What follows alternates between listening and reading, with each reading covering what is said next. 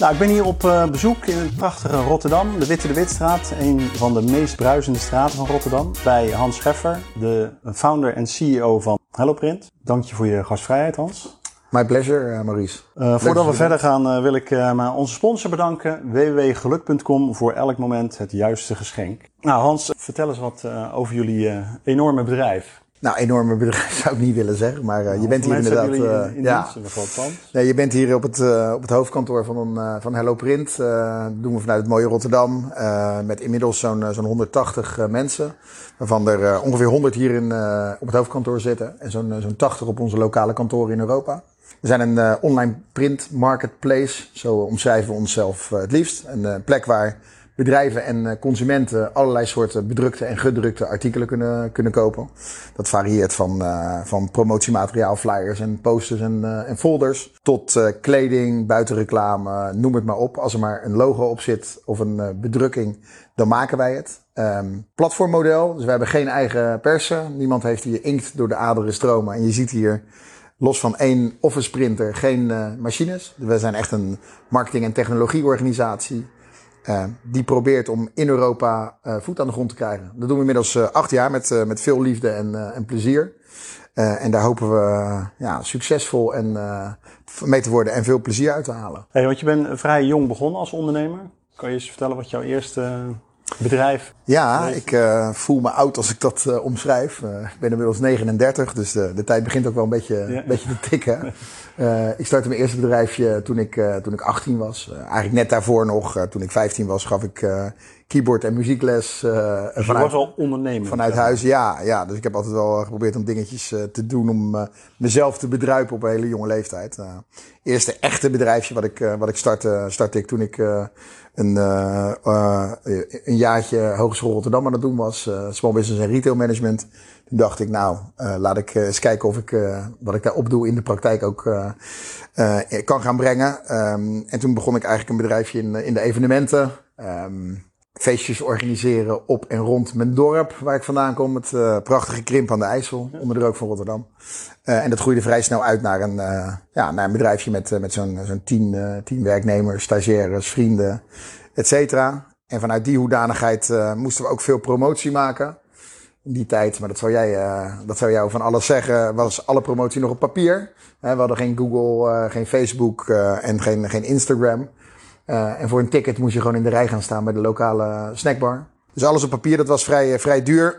Toen dacht ik, nou, als ik nou eens voor al die feesten waar wij promotie van moeten doen, als ik al die flyers uh, in één keer ontwerp en dan naar een drukker ga met een grote pers. En dan vragen of die ze allemaal in één keer drukt en dan lossnijdt, dat zal vast goedkoper zijn. Nou, dat was het. En dat was eigenlijk een beetje het begin van een, van een avontuur of een switch van evenementen naar, ja, naar print. Dus je dacht meteen van, nou, dat is gat in de markt. Nou, dat dachten we niet meteen, maar we zagen wel heel snel dat uh, ja, de locaties waar wij ook evenementen organiseerden, die zeiden, hey, wat een, wat een goed idee, kunnen onze flyers ook mee op dat vel? Toen dachten we, nou, misschien moeten we hier een businessmodelletje van maken. En ja, dat, dat gebeurde gewoon. En we waren toen aan het begin van, uh, ja, het was in 2002, 2003, uh, dat was de, de begintijd van e-commerce en internet. Uh, Michael, uh, uh, toenmalig stagiair en huidige co-founder van, van HelloPrint, die kwam stage lopen bij ons en die zei, ja, misschien moeten we iets doen met, met zo'n webshop. En toen dacht ik, nou, dat internet, dat waait allemaal wel over. Ja. Nou, vervolgens zit je twintig jaar in e-commerce. Want je, toen ben je het bedrijf Flyerzo begonnen, toch? Ja, dat heette, daarvoor heette het, eerst heette het flyerflyer.nl en posterposter.nl. En daar kon je, uh, het was heel... Uh, Flyer.nl was al bezet? Was ja, dat was al bezet. en dat was heel sophisticated, want dan kon je een Excel-file downloaden. Die moest je dan invullen met, uh, met de hand. Die deed je in een envelop met een CD-ROM erbij, met een uh, met je bestand erop. Stuurde je naar ons op. En dan tien dagen later kreeg jij je printje geleverd. Um, ja, dat was onze, eerste, onze eerste avontuur in e-commerce. Laat ik het maar zo zeggen. En dat zijn we blijven doen. dat evolueerde later naar Flyerzone.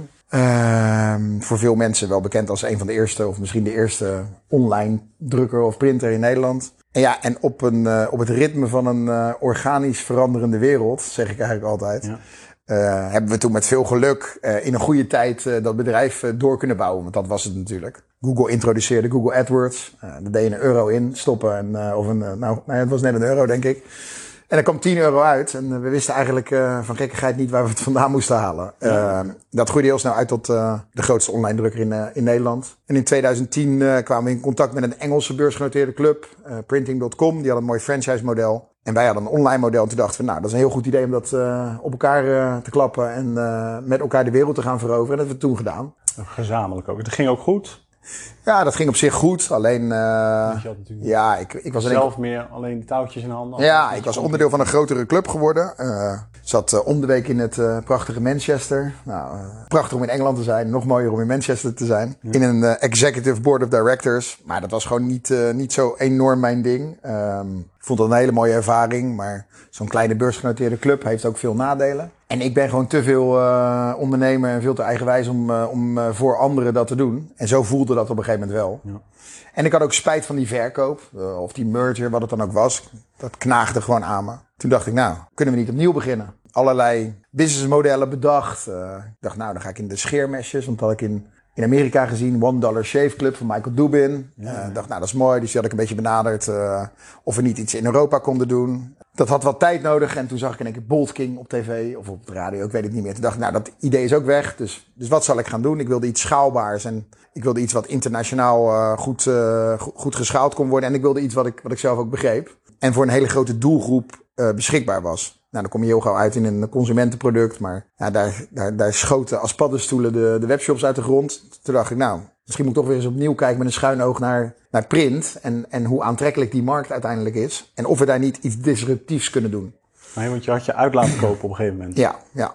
Ik was ook weg in, uh, ook? Ja, ik was in, uh, in 2012 uh, de onderneming verlaten om wat nieuws te gaan doen. Ik had een jaar concurrentiebeding. Oké, okay, je wilde iets nieuws doen, je dacht gelijk van... Ja, ik wist, nog niet wat ik, ging, ik wist nog niet wat ik ging doen. En toen ben ik een jaartje les gaan geven op, uh, en dat vind ik altijd best wel grappig, op uh, Small Business ja? en Retail Management, de opleiding die ik zelf na negen maanden heb verlaten. Daar heb ik een jaar les gegeven.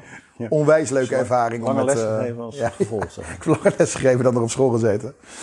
Uh, onwijs leuke ervaring om dat te doen. Uh, maar dat triggerde ook wel weer mijn, uh, ja, mijn ondernemerschap. En, en, om met, met jonge mensen en met bevlogen en gepassioneerde mensen een mooi avontuur op te zetten. Dat hebben we toen gedaan. En eigenlijk het oude team een klein beetje langzaam weer bij elkaar gebracht. Die zaten nog bij Flyerzone. En, dus dat was een vrij ingewikkelde exercitie. Um, en toen eigenlijk toch met een, ja, met een ambitieus verhaal en, en een enthousiaste groep vrienden gezegd van... joh, zullen we dit avontuur gewoon gaan doen? Maar dan groter en beter. En uh, ook wel een klein beetje schoppend toch wel tegen waar we vandaan kwamen. Maar dat is nooit, uh, dat is nooit een slechte drijver, denk ik. Ja, toen zijn we in uh, dat is mei 2013 dit avontuur begonnen. Eerst in Nederland met ons eerste merk Drugso.nl. Toen kwamen we eigenlijk snel bij de Belgische grens erachter dat nou, Drugso toch niet zo'n internationale naam was. Nee. Want zelfs in België kennen ze het woord zo niet. Dat heet dat is okay. subiet. Ja. Maar dat ging nog wel, maar na België was het natuurlijk een, een kansloze missie om dat met druk zo te doen. En toen zaten we op het strand van Valencia, heel random. En een van mijn beste vrienden, Kees, die kwam in één keer met, nou moet je niet naar, naar Spanje, met de naam Ola Printa. En dat verbasterde vrij snel onder het genot van een fles wijn naar Hello Print. Nou, dat, dat zou natuurlijk wel bezet zijn, uh, die, die merknaam. En dat bleek die niet te zijn. Ze hebben toen uh, vastgelegd en gekocht en alle domeinen gekocht. En uh, ja, dat was eigenlijk het begin van ons internationale avontuur. Ja, mooi. En, je had spijt van Flyerzone omdat je al zo ver was misschien? Of nou, kijk, inmiddels heb ik er geen spijt meer van. Nee, dat uh, Maar ik heb daar echt zoveel nachten van wakker gelegen. Voelde zo slecht om ja, toch gewoon je baby te verkopen. Dat, uh, ja. En ik, ik begrijp ook niet waarom ik het ooit gedaan heb, uh, moet ik heel eerlijk zeggen. Het was niet voor het geld, want, uh, want zo goed was die deal helemaal niet. En het was ook niet omdat ik klaar was, maar het was toch een beetje de... Ik had in het verleden vrij veel ondernemingen al gehad en ontwikkeld. En daar zat ook nog een stukje afhandeling in. En ik was een paar jaar, paar jaar lang best wel hard aan het knokken geweest om dingen voor elkaar te krijgen. En het voelde ook wel als een soort van, van mogelijkheid om, om dat af te sluiten en weer een soort van door te kunnen. Uh, maar terwijl dat bedrijf helemaal niet klaar was. Was, was, was, was enorm hard aan het groeien, was winstgevend, uh, kon allerlei kanten op qua ontwikkeling. Maar ja, toch heb ik dat gedaan in een soort van. Ja, want jouw doel ja. is, je wil het grootste platform van de wereld worden. Je zit heel erg op de groei. Ja, maar we wilden altijd, en dat is ook nog het verhaal, wij willen gewoon een heel mooi bedrijf bouwen. Waar mensen heel graag willen werken. En wat iets bijzonders doet wat anderen niet doen. En kijk, groei is is mooi. En het is ook de ambitie die je neerzet met elkaar. Ja, we, willen, uh, we willen graag het grootste printplatform in de wereld worden. Natuurlijk, en dat, dat, dat, dat roepen we ook naar buiten en ook binnen. Maar dat is niet de intrinsieke motivatie om dit bedrijf te doen. We willen gewoon, een, een, heel hoog doel. Wat ja, omdat je daardoor wel. Is, uh, ja, het is natuurlijk een soort B-hack, uh, Big Harry Audacious Goal om dat te doen. Maar het is niet het doel op zich en het is ook zeker niet de, de intrinsieke drijver. Um, uiteindelijk is het, als ik praat over mezelf en waarom ik onderneem, dan is dat alleen maar te werken met hele gemotiveerde mensen die ja, een ambitieus doel stellen en daar met passie aan willen werken. En waarbij je ziet dat mensen het beste uit zichzelf halen. En soms ook meer uit zichzelf halen dan dat jij of, of zij zelf zich voor mogelijk hadden gehouden. En, en dat, dat motiveert mij als ondernemer om, ja, om dingen te doen en om nieuwe dingen te doen en te blijven doen. Want uiteindelijk is dat ja, het mooiste wat er is. En het zit dus niet zozeer in die groei. Als je Flyer zo had gedaan, had je het niet zo snel verkocht, dat doel gesteld. Of, ja, en dat was wel een heel ander bedrijf. Dat was veel meer vanuit print vormgegeven. Mijn compagnon kwam ook uit de print. En print dinosaurus, René, René van Dijk, noem ik toch even zijn naam erbij. Love him to pieces, is uh, hier ook betrokken geweest. Uh, nu een ander avontuur aan het doen. Maar dat was meer print dan dat, dan dat, dat ja, Hello Ik merk ook... Uh, mijn ervaring dat heel veel mensen die printen of drukken, die willen ook alles zelf printen en drukken. En dat is nou juist iets wat jullie het liefst niet doen, toch? Ja, kijk, wij, wij hadden net zo goed wasmachines kunnen verkopen. Of uh, schoenendozen of, uh, of uh, kunstplantjes. Dus, dus bij ons stroomt er geen, geen inkt door die aderen. van de 200 mensen of 180 mensen die hier werken, zijn er misschien vijf ooit in een drukkerij geweest. En, ja. en dat wil niet zeggen dat we geen feeling hebben met het product. Natuurlijk wel, want we hebben een dogmatische focus op kwaliteit en, en on-time delivery en klanttevredenheid en NPS. Maar het gaat veel meer om het, om het proces en de techniek die het schaalbaar verkopen van geprinte materialen mogelijk maakt. Um, en dat is wat ons drijft. Dus we hebben van de, ja, van de 100 mensen hier zijn er 40 uh, uh, devel developers of data-gedreven professionals. Uh, en de rest is marketeer. En, en een groot gedeelte customer service in, in Valencia, waar we dat centraal doen. Maar niemand is eigenlijk bezig met dat, met dat fysieke product. Dus dat zien wij ook nooit, dat product. Ja, toch nog even terug op dat, um, ja, dat, dat je de grootste wil worden, de beste, de mooiste. Je wil een doel hebben. En denk je ook wel eens van, uh, wat je vaak hoort, dat uh, de winner takes it all, uh, dat principe. En zoals een thuisbezorg wat alles overneemt en uiteindelijk de grootste is. Ja, kijk, dat zijn markten waarin, dat, waar, waarin je dat veel sneller zal bereiken. In print, print gewoon hoog gefragmenteerd en daar zit zeker geen winner takes it all markt. markten zijn heel lokaal ook. Ja, nogmaals, en, de, en dat is ook totaal geen doel aan zich. We willen gewoon het, nee. Bij de grootste bedoelen we eigenlijk gewoon de mooiste. Dat is misschien wel een betere omschrijving. Ja, want je hebt heel veel concurrentie natuurlijk. Ja, kijk, uiteindelijk hoe ga je daarmee om? Ja, uiteindelijk is de lokale drukker nog steeds uh, onze grootste concurrent. Uh, veel bedrijven. En je partner waarschijnlijk. ook nog een beetje, ja, nee. Maar er is zoveel print. Uh, het is op, op vijf na grootste industrie. Als je kijkt in, in omvang, uh, in, in revenue. Als je hier om je heen kijkt, uh, bijna alles is geprint. Van het horlogebandje wat je aan hebt, tot het labeltje in je, in je kleding, tot het waterflesje, tot de afstandsbediening, tot iets op je telefoon, tot het plastic bekertje. Nou, ga zo maar door. Op alles zit iets geprint. en uh, dus concurrentie in die markt. 80 tot 90 procent van de markt is nog steeds offline. Dat is nog steeds iemand wil iets promoten en die gaat naar een lokale drukker en die uh, zet daar een opdracht uit. Dus de markt gaat vanzelf een keer langzaam een stukje verder online. En degene die dat het makkelijkste maakt voor die klant, uh, want uiteindelijk naar de drukker toe lopen op de hoek om iets voor elkaar te krijgen, is altijd makkelijker dan het zelf online doen. Maar als je het voor elkaar krijgt dat het bestellen van drukwerk net zo gemakkelijk is als het bestellen van een boek op Amazon, of een televisie op Coolblue, of een uh, paar schoenen op Zalando. Ja, dan heb je kans dat je op in, de, in, de, in dat online segment een groter marktaandeel verwerft. Ja. En dat proberen we te doen. Er zit uh, heel veel omzet in deze branche. Kijk je daar ook naar van, hey, dit is wel echt, uh, hier moet ik iets mee doen? Was dat een van de drijfveren ook? Van, daar zit veel potentie in. Nou, kijk, de grootte van de markt en de, de mogelijkheid om internationaal te schalen, uh, ja, was een belangrijke drijfveer om weer iets in deze markt te gaan doen. Kijk, het, het, het feit dat wij een vorige, een vorige avontuur ook in print hebben gedaan, dus ja, daar is natuurlijk een, uh, een overeenkomst. Maar het had zomaar iets anders kunnen zijn. Maar omdat iedereen print nodig heeft in, in een bepaalde mate, maakt het het dat, het dat het gewoon een aantrekkelijke markt is om in te stappen. Jullie model is ook, wat ik gehoord heb in eerdere interviews, is, is een soort lean en mean of heel licht. Je probeert zo weinig mogelijk uh, overhead te hebben met uh, zelf drukpersen, printers. Dat is ook een bewuste keuze natuurlijk. Ja, zeker. Kijk, wij zijn geen. Dat, ik denk dat dat twee hele andere modellen zijn. Kijk, wij, wij zijn marketing uh, uh, en, en, en tech professionals. Dus wij zijn, zitten heel erg op schaalbaarheid en connectiviteit. hoe kunnen we zorgen dat we ja, zoveel mogelijk partners aansluiten die allemaal een bepaalde niche doen. En door slimme techniek zorgen we dat dat efficiënt is. Ja, als je een fabriek bouwt die iets maakt, dat, dat is een heel andere tak van sport. Ja, wij hebben daar geen affiniteit mee. Uh, we hebben ook nooit overwogen om dat te doen. Uh, het is een heel ander model. En uh, ja, waar zitten de grootste uitdagingen? Is dat juist die partners bij je houden die dat drukwerk doen? Want daar ben je misschien best kwetsbaar. Nou, ja, we hebben, een, we hebben een, een groot aanbod van partners. en uiteindelijk zien die partners ons als een, ja, een extra verkoopkanaal. Zo moet je dat eigenlijk zien. Ze hebben natuurlijk gewoon hun eigen uh, inrichting. Uh, ze hebben hun eigen verkoopapparaat.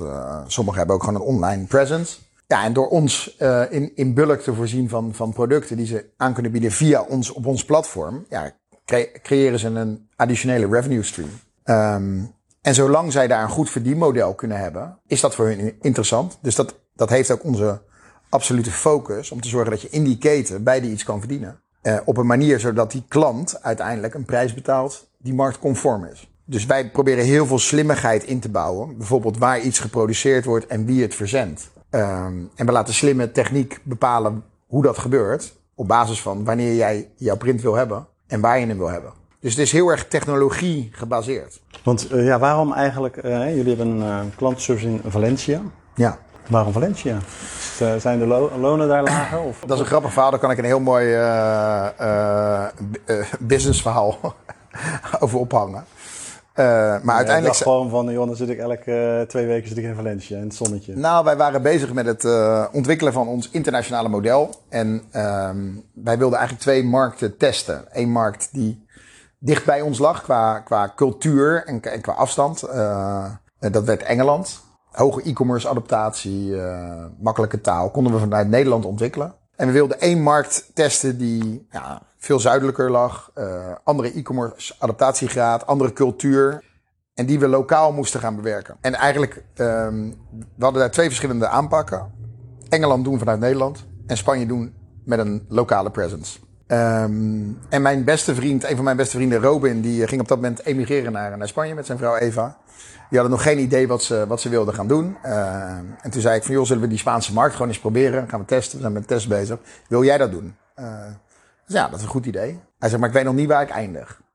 Laat maar weten waar je eindigt. Dan gaan we daar gewoon beginnen en dan uh, gaan we dat proberen. Nou, lang verhaal kort. Zij eindigde in Valencia. We gingen daar die business opzetten.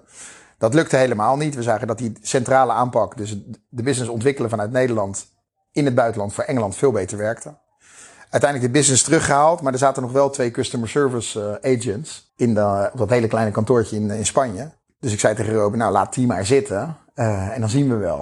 En op een gegeven moment hadden we een keer een, uh, iemand nodig voor de Engelse markt. Toen zei Robert, nou die heb ik wel, die, die zit hiernaast. En toen dachten we, nou het is misschien eigenlijk wel een goed idee om, uh, om te kijken of we klantenservice vanuit daar verder kunnen ontwikkelen. En op hetzelfde moment zagen we eigenlijk hier dat wij groeiden zo hard in aantal mensen. Dat de cultuur hier heel erg aan het veranderen was. Dus wij waren, elke maand hadden wij 30 nieuwe mensen. Waar een groot gedeelte customer service uh, van was. En daardoor veranderde eigenlijk het DNA van het bedrijf. Dus waar we eerst een kleine groep mensen hadden die heel erg bezig waren met techniek en marketing, werd de component customer service veel te groot. Waardoor, het, ja, waardoor je zag dat de cultuur aan het veranderen was. En toen hebben we in 2017 de keuze gemaakt om eigenlijk te zeggen: ja, we gaan het bedrijf hier, gaan we puur in Rotterdam, puur focussen op, op, op technologie en op, op groei en op marketing. En we gaan eigenlijk een tweede hub bouwen, een kleinere cel, uh, met een eigen cultuur, maar wel allemaal binnen de HelloPrint familie. Uh, die zich volledig richt op klantenservice internationaal. Uh, en dat is een goede keuze geweest, denk ik. Want uiteindelijk hebben we nu twee bedrijven die allemaal op een bepaalde manier dezelfde waarde delen, maar die ook hun eigen cultuur hebben. Een klantenservicebedrijf is een heel ander bedrijf dan een groeibedrijf. Um, achtergrond van mensen is anders. Het is nog internationaler. Wij hebben hier een cultuur van heel veel vrijheid en verantwoordelijkheid, veel context in plaats van controle. In een klantenserviceomgeving is dat moeilijker, omdat het veel meer geprocessed is en het heeft openingstijden, sluitingstijden, et cetera. Dus door dat nu separaat vorm te geven, maar highly aligned, loosely koppeld, zeg maar, hebben we het beste van, van twee werelden eigenlijk. En uh, ja, zitten we nu uh, met een, uh, een 100% HelloPrint bedrijf in het prachtige Valencia. Wat heel aantrekkelijk is voor, voor, voor expats om, om een paar jaar te werken. Dus we kunnen daar makkelijk mensen vinden. En hebben hier in Rotterdam een, een groeibedrijf waar, ja, waar professionals zitten die heel goed binnen een vrije omgeving, contextuele omgeving kunnen, ja, kunnen werken aan de ontwikkeling van het bedrijf. Ja, nou, mooi. En jullie cultuur is uh, ook heel belangrijk. Hè? ik zit hier nu in de. Was het ook weer? De, ja, de composer room. je, zit, je zit in een, ruimte die nog niet af is. gitaar staan. ik, nee, dit is, deze moet nog ontwikkeld worden. Ja. Een piano. Ja, ja. Wat, ja, wat gebeurt hier zo? Of als, er, als het dadelijk... Uh... Ja, wij proberen altijd uh, een omgeving te creëren die, uh, waar mensen zich thuis voelen. Dat is, dat is wat het is. Dus we hebben een aantal leuke ruimtes hier. ja, wat ik eerder tegen je zei, die, die ontstaan organisch. iemand neemt een gitaar mee, iemand wil graag een piano. Nou, dan, dan wordt dit in één keer de composer room. Dus uiteindelijk wordt dit een vergaderruimte in, in muziekstijl waarbij je en kunt vergaderen en creatief kunt uh, brainstormen en je creativiteit de vrije loop kunt laten. Dus ja, dit wordt een beetje een studio. Er komt hier DJ-setje te staan en een aantal instrumenten, drumstel. Mogelijkheid tot opnemen. Uh, ja, en ja, zo. En waarom die cultuur? Want het klinkt alsof het hier alleen maar feest is en. nee, zeker, zeker niet. Maar kijk, uiteindelijk, waar ik heel erg in geloof, is dat mensen in een omgeving die prettig is voor ze, op de manier die hun goed dunkt, professioneel moeten kunnen ontwikkelen. En ik geloof er dus niet in dat je, en dat doen wij vanaf het begin van dit bedrijf, dat je mensen vast moet leggen in, in afspraken en regels. En als je werkt met professionals, dan moet je ze de ruimte geven uh, om, om zichzelf te kunnen zijn en ook vertrouwen op dat ze dat op de juiste manier doen. Ik vind het mooi om te zien dat eigenlijk door corona uh, heel veel bedrijven getriggerd zijn in één keer om om hun, ja, hun obsessieve focus op controle los te laten. En dat lijkt nu in één keer heel gewoon. Nou, daar gaan heel veel bedrijven heel erg van terugkomen. Wij hebben nooit anders gedaan. Dus we hebben altijd in, in de mate van vrijheid die, die kan, uh, hebben we mensen geprobeerd uh, ja, het maximale uit zichzelf te halen. En dat is anders uh, voor een seasoned professional dan voor een stagiair die net begint. En dat is anders voor een expert die hier net komt wonen dan iemand die hier om de hoek woont. En, en op basis van die persoonlijke voorkeuren en teamsamenstellingen probeer je een cultuurvorm te geven die daarbij past. En, en daar hebben we altijd heel veel aandacht aan besteed. En ik, ik hoop dat dat lukt. We doen dat heel. Ja, hoe werkt dat? Nou, door heel veel met mensen te praten en door heel veel te luisteren naar wat mensen drijft. Dus je bent heel geduldig en geen controlfreak? Nee, ik denk, ik denk dat ik geen controlfreak ben. Maar het zou je aan de rest van, van het team moeten vragen. Maar wij zijn zeker naar de teams toe geen controlfreaks. Wij, kijk, wij vinden dat mensen veel input moeten hebben uh, op de manier uh, hoe we werken met elkaar. Maar het is wel nadrukkelijk met elkaar. Het gaat niet altijd om persoonlijke voorkeur. Ik merk bijvoorbeeld nu heel veel dat uh, de hele discussie rondom thuiswerken wel en niet en dergelijke is gedreven door persoonlijke voorkeur. Ik vind dat we daarin soms doorslaan. Uiteindelijk, waar het om moet gaan, is hoe hou jij het, het, het, meeste uit jou leven. En dat, daar moet een goede balans zijn tussen werk en privé. Um, maar in jouw zakelijke omgeving moet het het doel zijn, tenminste niet voor iedereen, maar in een, in een, in een high-performance organisatie zoals de onze, dat jij een omgeving creëert waar jij het maximaal uit jezelf kan halen. En niet per definitie om je het alleen maar het hoogste levensgeluk te geven. Die, die twee die zitten heel dicht bij elkaar, maar daar moet een balans in zijn. En, en die proberen we te rationaliseren met individuen en met teams ja, door daar veel over te praten. Van, ja, op welke manier moet je, wil jij nou werken met je team? Zodat wij met alle teams binnen HelloPrint het beste uit elkaar halen. En dan kom je tot een goede dialoog. Dus wij meten heel veel. Um, employee eh, happiness is, uh, en EMPS zijn de twee belangrijkste metrics naast de groeimetrics die we hebben in, in het bedrijf. We meten dat op maandelijkse basis.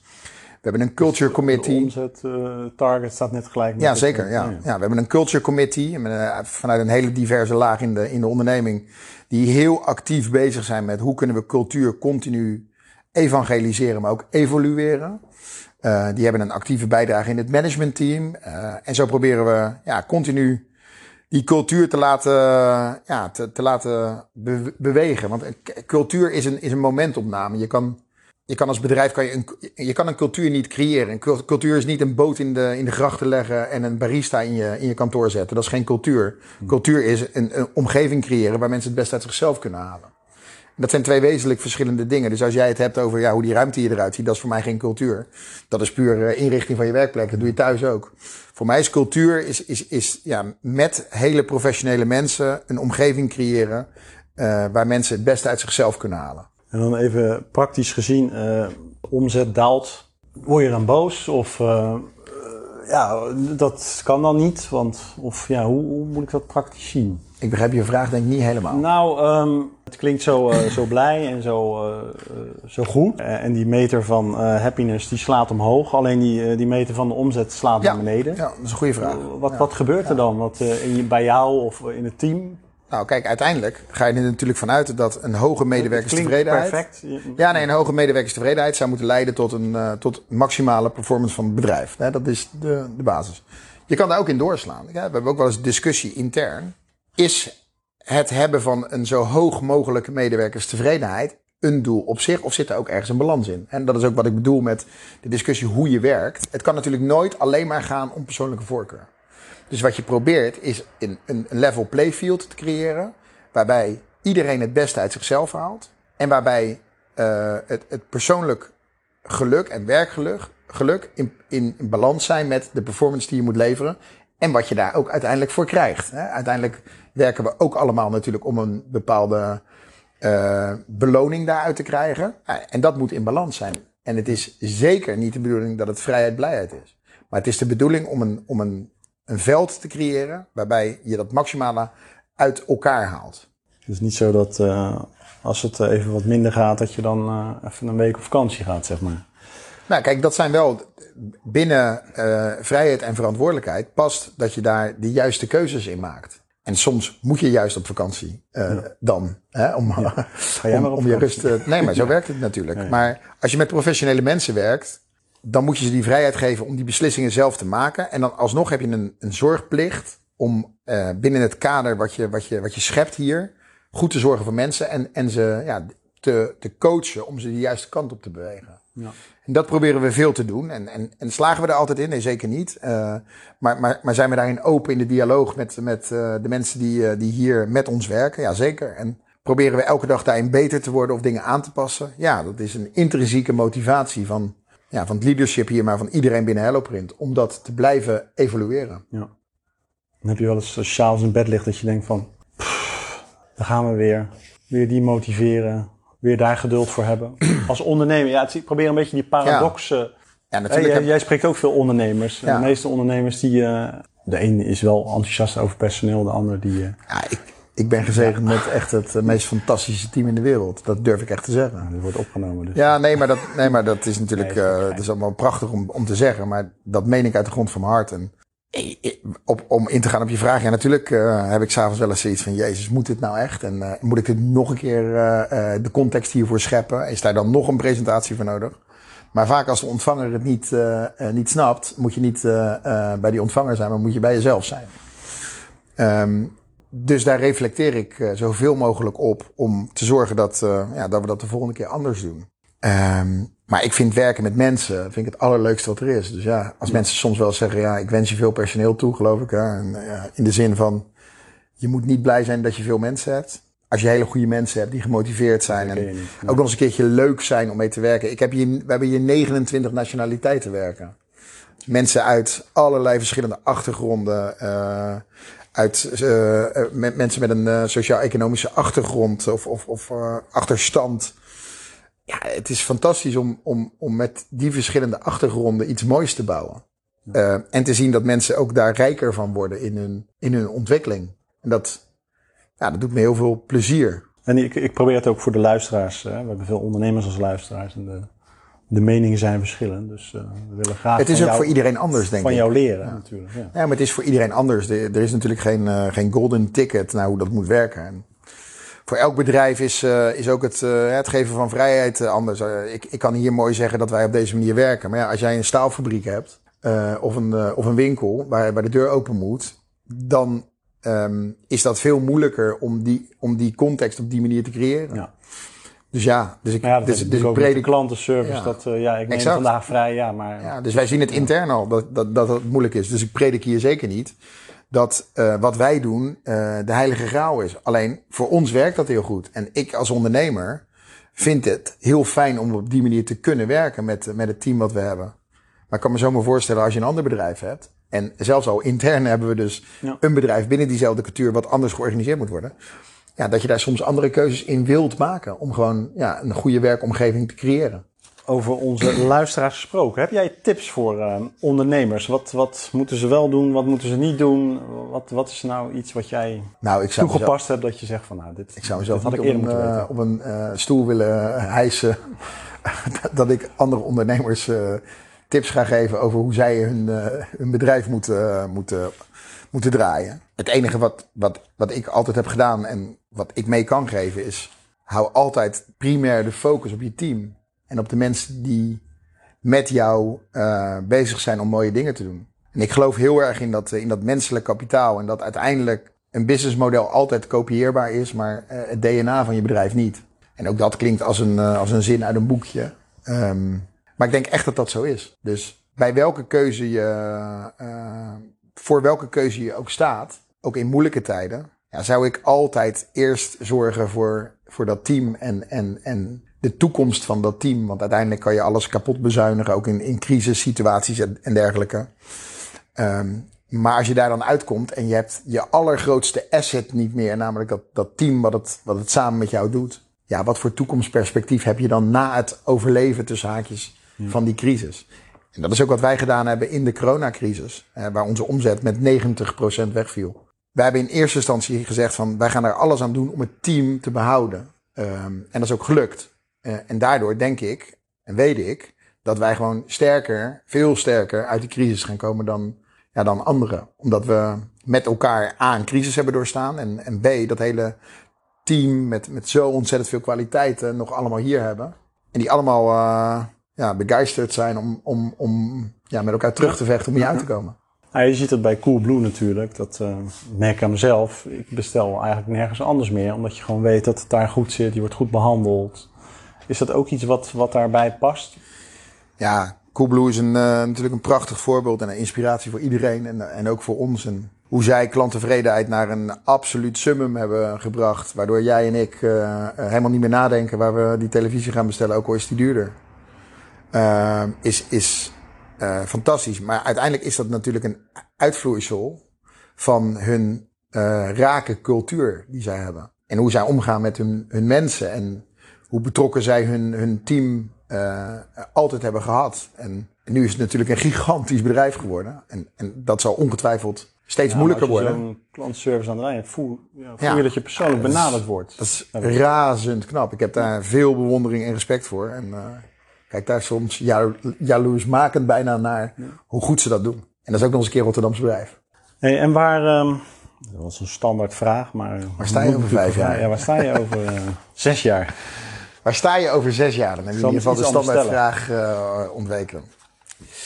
Heel eerlijk gezegd, dat weet ik echt niet. Dat, ik had daar vroeger een ander antwoord op gegeven dan dat ik, uh, dat ik nu geef, denk ik.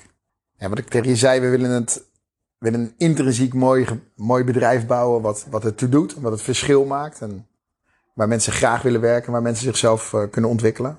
Hoe dat er over zes jaar uitziet, ik hoop dat het, uh, dat, dat, dat bedrijf verder is uitgegroeid uh, in, in, in de wereld, om het maar breed te zeggen. En wat dat dan precies betekent, dat weet ik niet. Nee. Uh, ik denk dat in de markt waarin wij zitten uh, er nog heel veel kansen zijn, heel veel mogelijkheden zijn. En die willen we heel graag met elkaar gaan pakken. Wij doen dit ook voor de lange termijn. we hebben geen korte termijn doelstelling om hier snel klaar mee te zijn. Ik vind dit het allermooiste wat er is. En ik zou het liefst de komende tien jaar dit nog doen. Maar je weet nooit wat, er, ja. wat, er, wat de wereld gaat brengen. Hoe hou jij die motivatie erin? Want je werkt veel volgens mij. Hè? Of, ja, ik, ik zie uh, geen, geen, uh, geen scheiding tussen privé en, en werk. Uh, dat loopt door elkaar heen en dat komt omdat ik het het allermooiste vind wat er is. Um, dus ik besteed veel tijd aan, aan, aan wat we hier doen. Um, en mijn motivatie komt uit ja, al die gezichten die vertellen dat we nog steeds mooie dingen aan het doen zijn. En ik moet zeggen dat als je elkaar minder ziet, en gelukkig hebben we hier toch wel voor een groot gedeelte ook op kantoor kunnen blijven werken. Er zijn veel mensen die hier op kantoor willen werken, met alle maatregelen in acht genomen. Um, ja, ik zie wel graag mensen. Dus ik werk wel graag met mensen fysiek aan iets. Um, en de hele crisis heeft ons natuurlijk geleerd dat het ook op een andere manier kan. Maar ik denk nog steeds dat als je wil innoveren en je wil blijven ontwikkelen, dan heb je gewoon die indirecte communicatie nodig buiten je Zoom-meeting om. Uh, En daar zit ook vaak wel de sparkle, vind ik. Hè? Door, door met elkaar dingen te doen en soms even iets te horen of een grapje te maken. En, en door, omdat je elkaar niet ziet of minder ziet, is die fun ook net iets minder. Dus ja, mij motiveert het ook wel weer als we elkaar weer zien en weer met elkaar ondernemend bezig zijn in een, in een fysieke setting. Mooi. Nou Hans, hartstikke bedankt voor het uh, inspirerende gesprek. Dankjewel Maurice.